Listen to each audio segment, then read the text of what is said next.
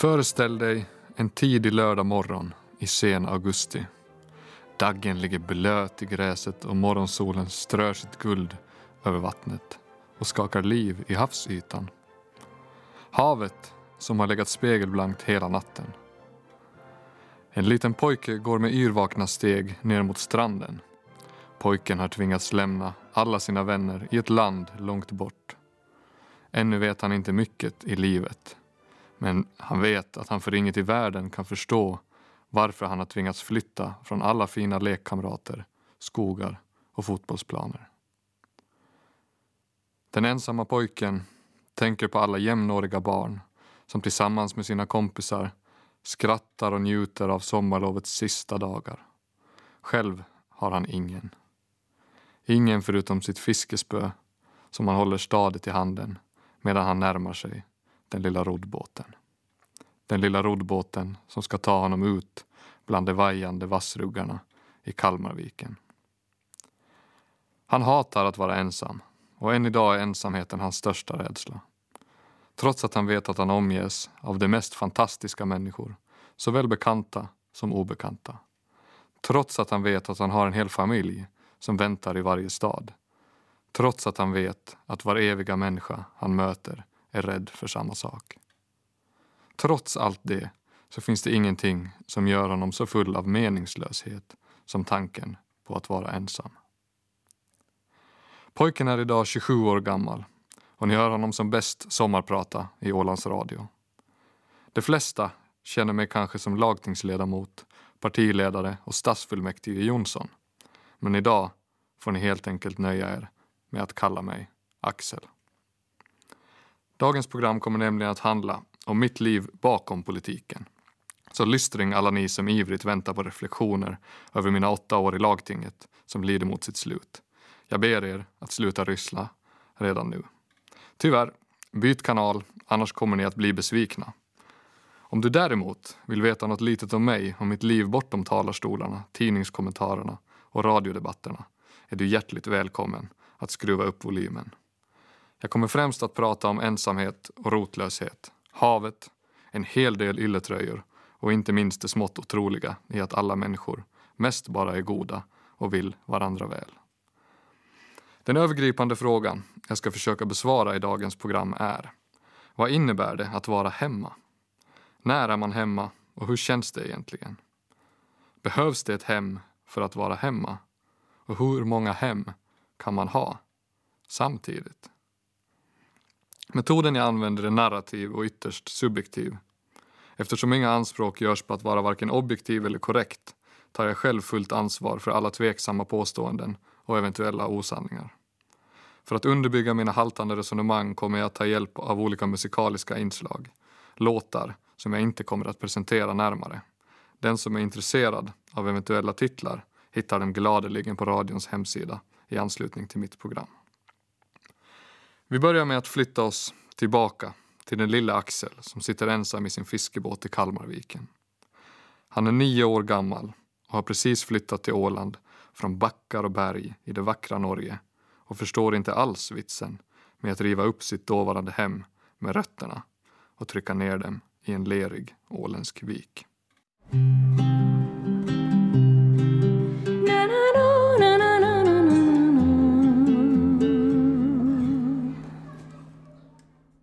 Året är 1964 och Sovjetledaren Nikita Khrushchev är på statsbesök i Norge. Ledaren som blott två år tidigare hade skickat kärnvapen till Kuba och därmed nästan utlöst ett kärnvapenkrig befinner sig plötsligt på den lilla förorten Böler i utkanten av Oslo. Khrushchev är förstås lyckligt ovetande om att det drygt 30 år senare ska springa runt en liten spillevink i skogarna och kalla sig för Axel. Till mycket mer än så har de heller inte gemensamt. Men där växte jag upp, spelade i mitt första fotbollslag, skrev mina första ord i skolböckerna och fick min första puss av en grannflicka. Oslo var helt klart ett hem på många sätt och vis. Där fanns närhet till skog och mark. Där åt vi smörgåsar i lunchlåda på lunchen i skolan. Vi hade klasskamrater från såväl Somalia, Pakistan, Indien och Serbien och många andra länder. Somrarna spenderar vi med familjen på Birskär i Korpo i Åbolands skärgård. Vi åkte bil genom Sverige och tog ofta färjan från Stockholm. Det var väldigt fina somrar ute i skärgården och eh, min mormor och morfar var alltid glada att se oss när vi klev i land och kom till Birskär. Min mormor och morfar lekte mycket med oss som barn. Och särskilt minns jag en gång när min mormor och jag lekte pirater i en gammal roddbåt som var uppdragen i skogen. Och eh, jag vände mig om till min mormor, kanske fem, sex år gammal och säger Vet du vad Momo? Du är mitt bästa manskap. Och den här historien brukar hon förstås eh, upprepa med jämna mellanrum när vi ses och det gläder mig att jag kunde ge henne ett sånt förtroende i så unga år. Men det är verkligen en fantastisk mormor. En mormor som stickar de varmaste ylletröjor och sockor. Min flickvän Camille använder dem jämt hem, hemma i Stockholm, också nu för tiden, med all rätt. Och min morfar, han är en riktig känslomänniska. Eh, tårögd så fort tillfälle ges och så fort några, några känslosamma diskussioner kommer upp och det beundrar jag honom mycket för. Det var väldigt fina somrar vi hade på Birskär. Men förutom att vara ett förträffligt manskap så berättade mina morföräldrar gärna fascinerande historier om deras tid som missionärer i Afrika. Och ungefär så här kunde det kännas att som liten få höra om savannerna, bergen och de varmhjärtade människorna.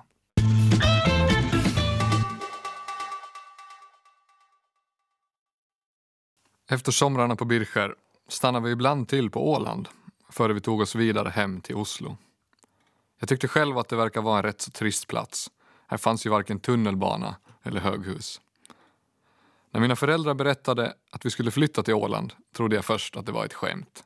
Sen blev jag bara ledsen. Några månader senare när flytten var ett faktum kommer den lilla Axel, den ytterst lilla Axel, upp från fiskebåten.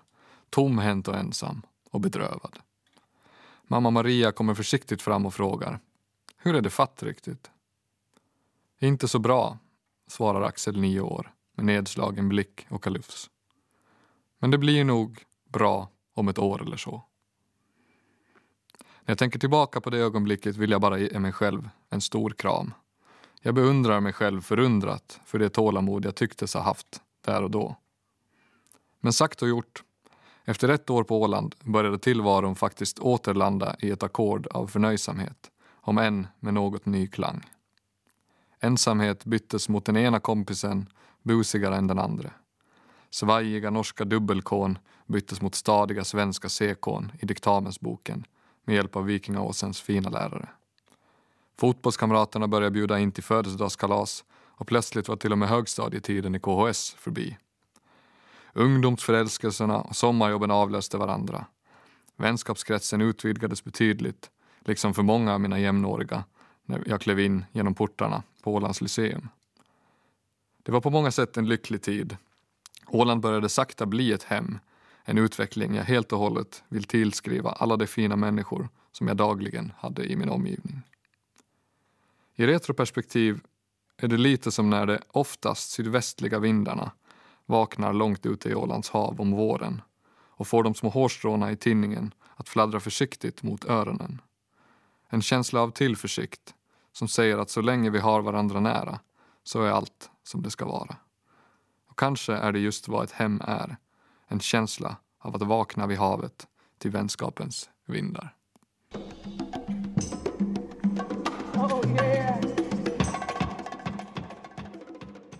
Under mina glada gymnasieår fick jag förmånen att spela i band. Mina vänner Malin, Kent, Anton och Samuel, vi tog oss namnet Polyester hämtat från Samuels farbrors segelbåt som stod parkerad utanför vår replokal. Vi spelade, liksom många av våra jämnåriga, hellre än bra. Men så roligt, det var det. Anton Johansson och Samuel Granholm, som jag än idag umgås stadigt med, hade till och med så roligt att vi en mörk och snorkall vinterafton beslöt att bege oss på ett äventyr över isen, ut till Antons stuga på en ö strax sydost om Gärsö för att ligga över. Med karbusar och ylletröjor i högsta hugg drog vi våra pulkor över bräcklig is genom den knähöga snön. Allt medan det sista dagsljuset övergav fotspåren bakom våra ryggar. Väl framme i den lilla stugan satte vi eld i bastuspisen och tinade fingrar och tår. Vi stekte korv och drack gott medan vi eldade bastun varm. Ohemult varm. Stjärnorna tindrade vackert och vi pratade om livet och allt som hör ungdomen till. Och just där och då var jag nog alldeles hemma i dessa tokiga pojkars sällskap. Vi kröp in i bastun och eh, satt oss till ro. Och vi satt länge, länge i bastun. Det var ju kallt ute så man ville värma sig ordentligt för man skulle gå ut i snön. Och när det blev dags så gick vi ut och satte oss på, på trappen och, och tittade på stjärnorna och bara njöt av det tysta som bara uppstår när, när snön ligger tät en vinternatt. Och eh, jag sa efter ett tag, så där kanske fem, tio minuter, att nu börjar det bli lite kallt. Att ska vi börja gå in? Nej, nej, det är, det är så fint här, sa Samuel. Vi sitter ett litet tag till. Ja, efter fem, tio minuter till så sa jag nej men nu, nu får vi nog ta och gå in. Okej okay då. Vi reser oss upp och öppnar dörren när vi inser att den har gått i baklås. Ja, lite smått panik så springer vi runt till huvudentrén och försöker ta oss in den vägen. Även den dörren låst. Nu står vi där alltså tre tonårspojkar i den snorkalla vintern, närmare minus 20, har suttit ute redan i 10 minuter, en kvart, 20 minuter, fryser ganska duktigt och vi är utlåsta. Ja, Samuel och jag kröp in i ett litet förråd och hittade en stelfrusen trasmatta som vi virade in oss i. Och vi stod där alldeles nakna och kramade om varandra varpå Samuel förstås drabbades av någon slags dödsångest. Vi kommer att dö! Tack för all den här tiden! ropade han. Det var något väldigt snopet tragikomiskt över hela situationen. Hey man, where is it? It's a brand new wire. Hey! Ni lyssnar till Axel Jonsson och mitt sommarprat. Och jag pratar om vad det innebär att vara hemma.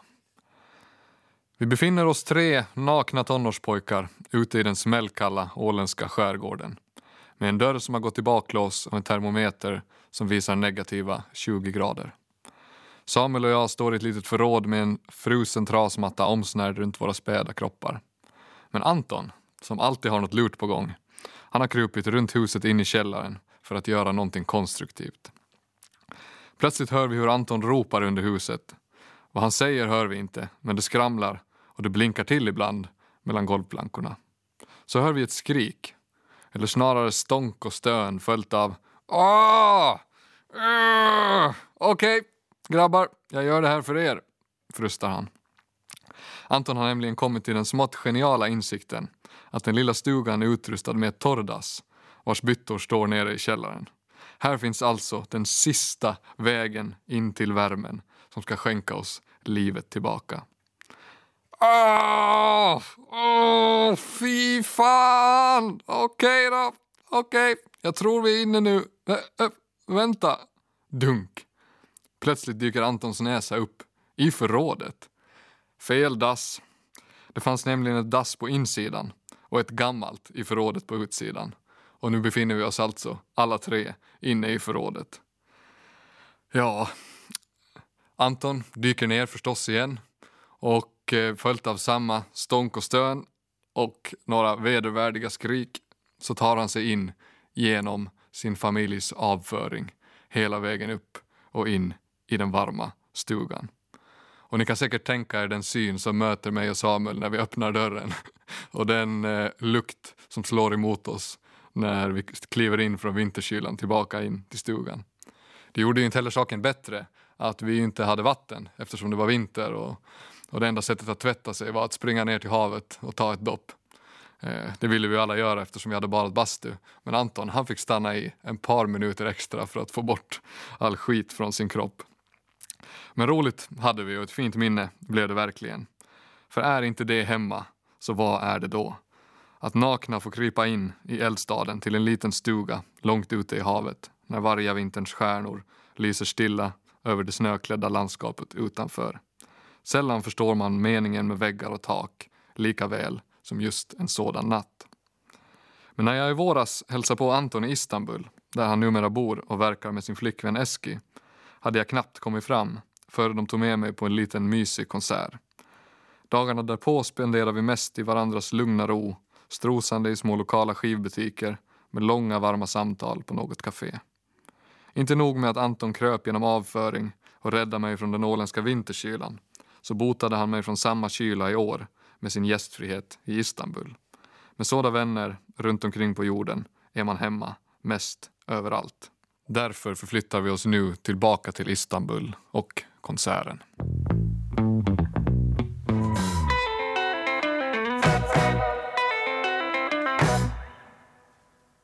År 2010 var på många sätt ett speciellt år för mig. Medan vissa firade att Spanien vann fotbolls-VM tog jag själv studenten, fyllde 18 år och kandiderade i mitt första val. Att ställa upp i riksdagsvalet bidrog givetvis att jag följande år tillsammans med vännerna i Ålands framtid kunde gå framåt. Och jag själv, som yngsta ledamot någonsin, blir vald till Ålands finaste politiska uppdrag, lagtingsledamot. Det var självklart en spännande tid, fylld av nya utmaningar och lärdomar. Jag blev vald till partiledare och fick chansen att delta allt mer aktivt och synligt i det politiska livet. Jag ägnade större delen av min vakna tid åt politiken och njöt av att debattera med de mer rutinerade rävarna. Tre år in i mandatperioden började valrörelsen närma sig och förberedelserna tog fart med ökad intensitet. Men visst fanns det även ett liv bortom politiken. Jag och min gode vän Tua Granholm gav oss ut en dag tidigt i maj på vårfågeljakt. I en liten snurrebåt gav vi oss ut i friska vindar. Himlen var fylld av sjöfåglar, präktiga gudingar, rufsiga ådor och vårsolen kastade glittrande solkatter över fjärdarna på väg ut mot ytterskärgården. Lyckliga och saltstänkta tog vi oss i land för att övernatta i en stuga vid ett gammalt fiskeläge. Havsbandet knöt en gyllengul knut av sig självt medan vinden smekte de släta röda klipporna som vore de kinderna på nyfödda små barn. Vi kröp in i stugan, lagade mat på öppen eld och spelade ett parti Uno i skenet från ett stearinljus. Den ro som finns där ute i havsbandet har jag nog aldrig funnit någon annanstans. På något märkligt sätt var den starkare än jag ditintills hade upplevt den just den där kvällen. Kanske är själva havet ett enda hem. Men kanske är också känslan en efterhandskonstruktion i mitt brustna minne. För den natten vaknade jag plötsligt med en obehaglig känsla i kroppen. Vinden ven runt knutarna så det knakade och tjöt i det solblekta plankverket. Men någonting allvarligt var fel i min kropp.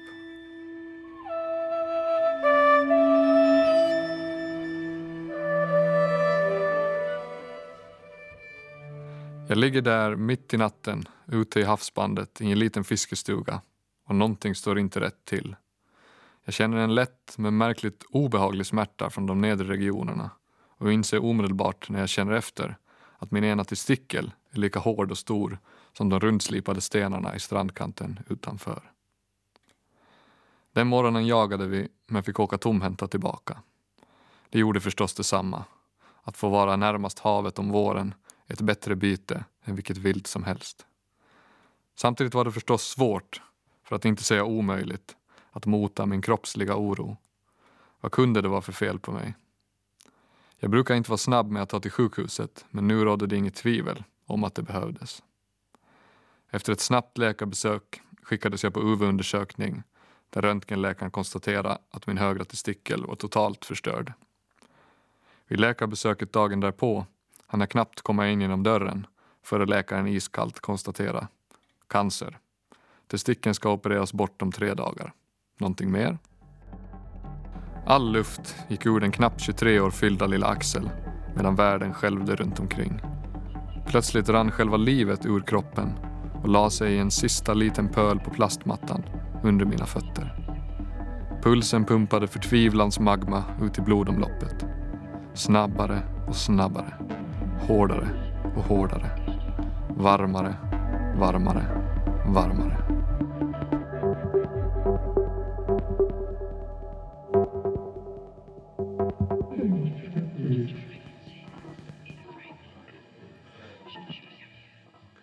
Jag heter Axel Jonsson och ni lyssnar till mitt sommarprat. Jag har precis fått beskedet att jag har cancer och ska operera bort min högra testikel om tre dagar. Plötsligt var det som om ingenting hade någon mening. Det sista kapitlet var påbörjat i en bok som ingen skulle läsa. Jag hade fått cancer före livet egentligen hade börjat och började nästan ställa in mig på att dö. Jag ställde in alla möten och åkte ut till min far David och hans goda vänner som befann sig ute till havs och jagade. Läkarna kunde varken säga något om allvaret i det hela före operationen och alla provsvar hade kommit. I Föglas södra skärgård ligger några öar med den mest bedårande arkitektur naturen har skapat. Stora mjuka klippblock med räta kantiga linjer som tornar upp sig ur det klara havsvattnet. Lite på samma sätt som ensamma bergstoppar reser sig ur molnen. Medan de andra i gänget lagade mat slänger jag ut vättarna och sätter mig ensam i en skåra. Där blir jag sittande, inställd på att dö. Samtidigt som kvällsdimman sveper in och lägger sig som en mjuk grå ullfilt runt mig och de hårda klipporna. Hade jag känt mig ensam tidigare så var det ingenting jämfört med nu. Tills det på något sätt slog i botten. Det kan liksom inte eka mera tomt. Och där och då så inser jag att jag är allt annat än ensam. Hela mitt liv är fyllt av familj, vänner, halvbekanta och obekanta som alla vill mig väl. Och istället för rädsla att förlora alla mina nära och kära så fylls jag av tacksamhet över att jag har dem kvar och har fått dela så många hjärtliga stunder med dem. Att skiljas är att dö en smula, sa Victor Hugo. Att dö en smula är alltså att skiljas. Och kanske måste man dö en smula för att leva. Kanske måste man resa bort för att hitta hem.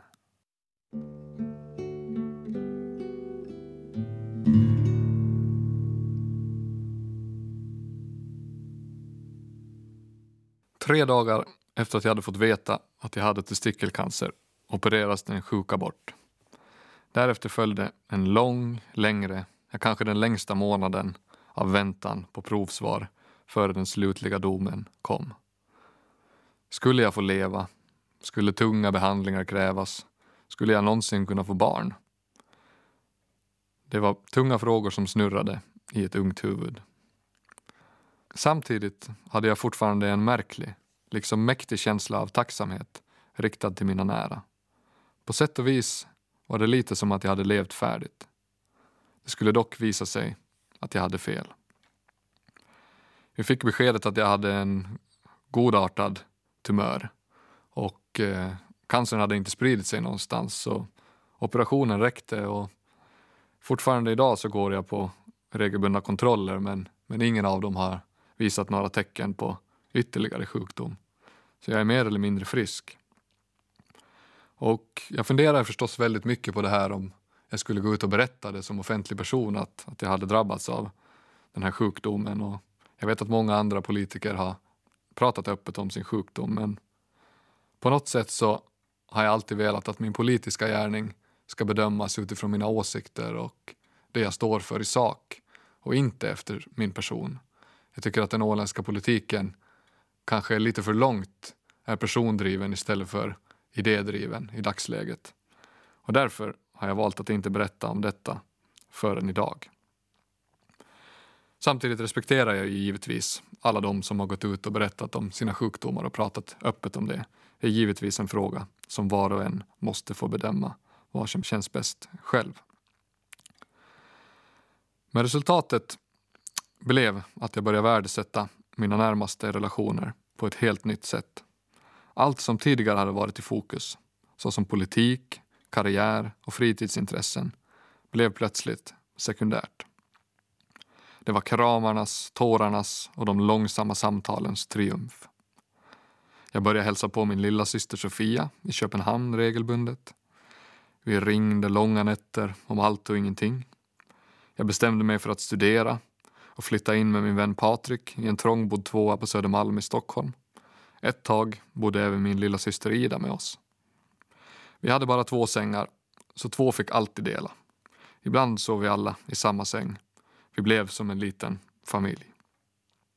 Och plötsligt började jag få små hem överallt och insåg att hemma inte längre var bundet till en plats utan till personerna. Hemma var att dricka te tillsammans efter en lång arbetsdag och byta minnen med varandra. Hemma var att sitta på Rosella en söndagkväll och gråta glädjetårar över att bli gammal med en gammal bekant.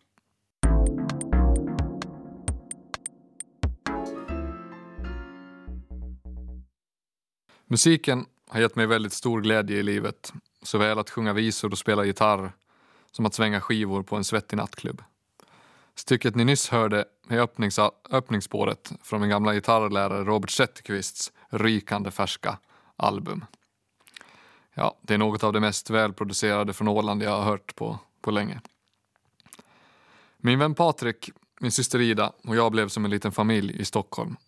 Snabbt insåg vi dock att vi hade ett betydligt större umgänge än vår lilla familj i huvudstaden. Patrik tog då initiativet till Söndagsklubben. På Söndagsklubben samlades mestadels ålänningar men även utbytesstudenter, övernattande kompisar och syskon och barn på söndags eftermiddagarna för knytkalas, oftast hemma i vårt kök. Samtidigt spelades och diskuterades olika musiktips och historier från Stockholms nattliv utbyttes friskt. Söndagsklubben blev ett litet hem i sig, ett fysiskt hem av kött och blod för många av oss ålänningar som kände sig lite främmande i den svenska huvudstaden. Klubben började med att den första som vaknade för dagen slog igång låten. Låten blev signum för den kärlek och gemenskap som Söndagsklubben representerar.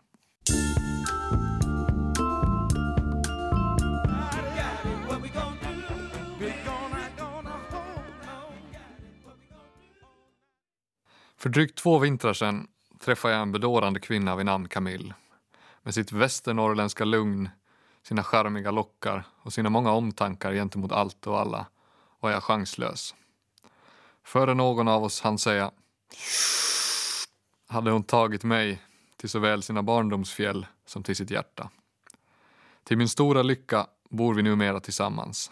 Alltså har vi ett boende ihop. Ibland är vi hemma i vårt boende, men det gäller bara när vi får vara där tillsammans. Sommarens stora äventyr för min del kommer att bli ett paddlingsäventyr tillsammans med Camille där vi paddlar från södra Fögle skärgård hela vägen bort till Korpo och mina barndomsöar ute på Birskär.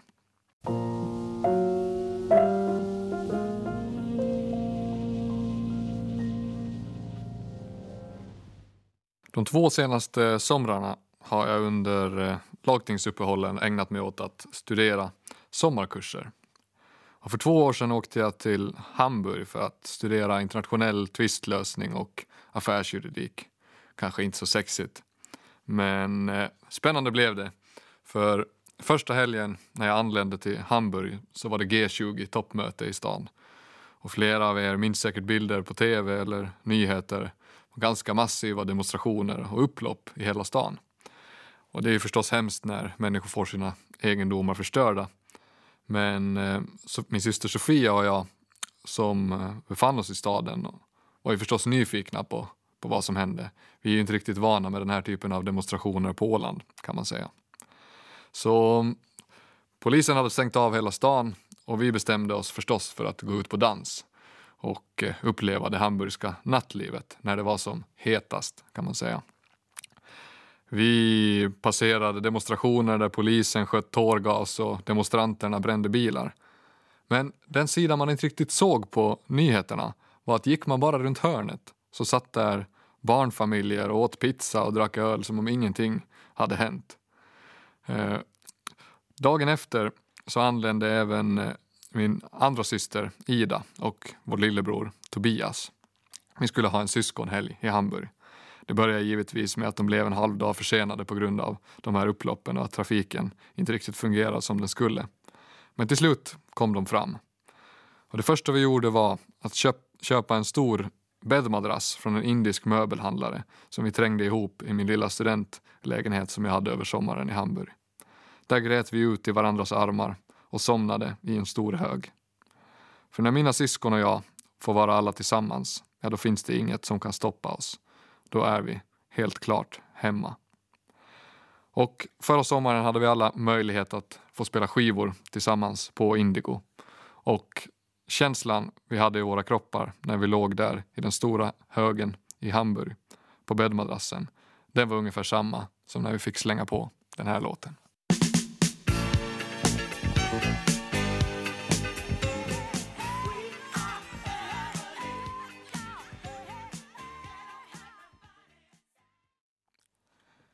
Du lyssnar på Sommarprat på Ålands Radio.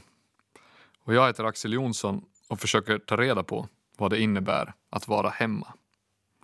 Förra sommaren fick jag möjlighet att åka på sommarkurs till Kalifornien vid universitetet i Berkeley för att läsa folkrätt och slipa lite på min engelska. Jag hade en väldigt intressant eh, professor Stradner som även jobbar på Serbiens utrikesdepartement som precis höll på att skriva en pro promemoria om Serbiens eventuella erkännande av Kosovo.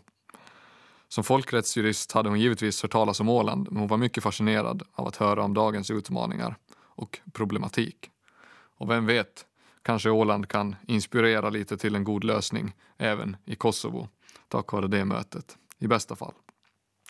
Men lite märkligt var det faktiskt att sitta i Kalifornien av alla ställen med ylletröja på balkongen när vindarna drog in från havet på kvällen och eh, se på nyheterna om skogsbränder som härjade över Åland och, och Sverige. Och det var närmast panik och man kallade det för den hetaste sommaren någonsin. Själv satt man där och småfrös på en balkong.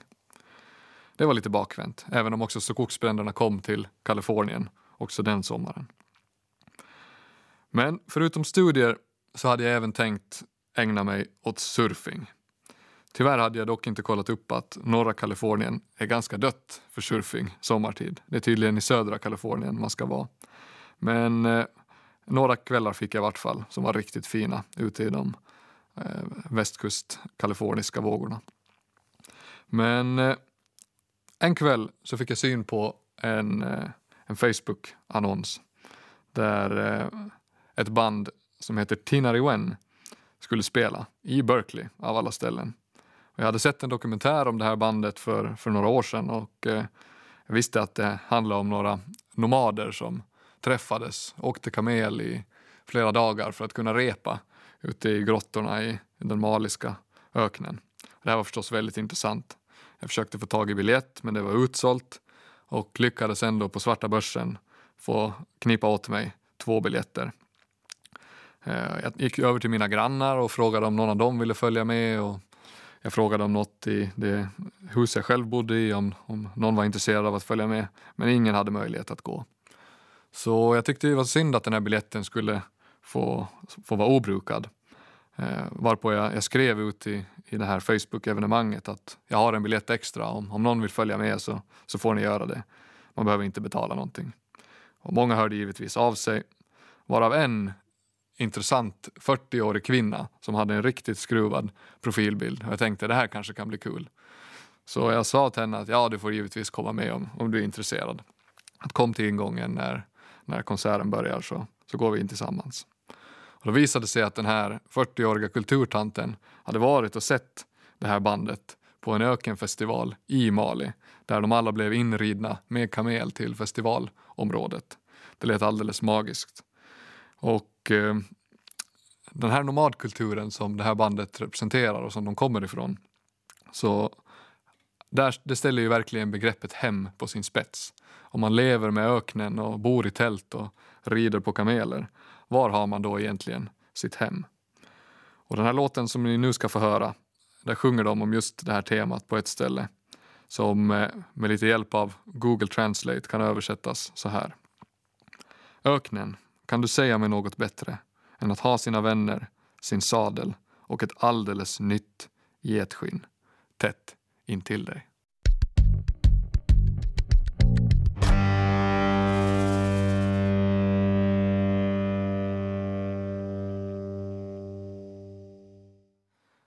Jag har nu under den senaste dryga timmen med utgångspunkt i min egen historia diskuterat. Vad innebär det att vara hemma? När är man hemma? Och hur känns det egentligen? Behövs det ett hem för att vara hemma? Och hur många hem kan man ha samtidigt? Var och en har givetvis sin egen sanning och ska så ha.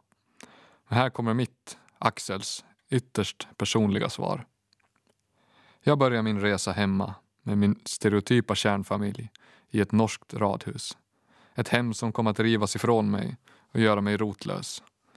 Trots idoga försök byggde åländska träväggar och tak aldrig något riktigt hem. Istället byggde alla fina ålänningar många små hem åt mig med bjälklag av omtanke och gemenskap. Sociala hem som fotbollslag, band, skolklasser och jaktkamrater. En hel drös lyckliga tonår avslutades med kometkarriär i den åländska politiken. Plötsligt fick jag cancer och insåg att livet är för långt för att fyllas enbart av lagtingsdebatter och omröstningar. Mina relationer steg plötsligt i värde, tog över och knöt såväl nya som gamla vänskapsband tätt runt mitt omtumlade hjärta. Hemma blev att vara bland dem jag älskar och håller av. Kanske är min största rädsla inte att vara ensam. Kanske är min största rädsla egentligen att vara naken och utlåst i den kalla natten, utan ett hem. Oavsett plats, oavsett tid och oavsett sammanhang har jag därför bosatt mig i mina relationer. Jag bor i mina syskons varma, återförenande armar. Jag bor i bröstet hos min sambo när hon har vaknat alldeles för tidigt en söndag morgon och har bestämt sig för att ställa till med hemlighet grötfrukost på köksgolvet. Jag bor i ögonen på min mor och i skrattgroparna hos min far. Jag bor i min farmors och farfars ordvitsar och omtänksamma brev. Jag bor i mina vänners långsamma öron. Jag bor i min morfars tårar och i ljudet av min mormors fingrar när de stickar ylletröjor åt oss barnbarn. Hemma är inte en plats. Hemma är en stillsam aktivitet. Hemma är livets käraste lek. Hemma är kärlek.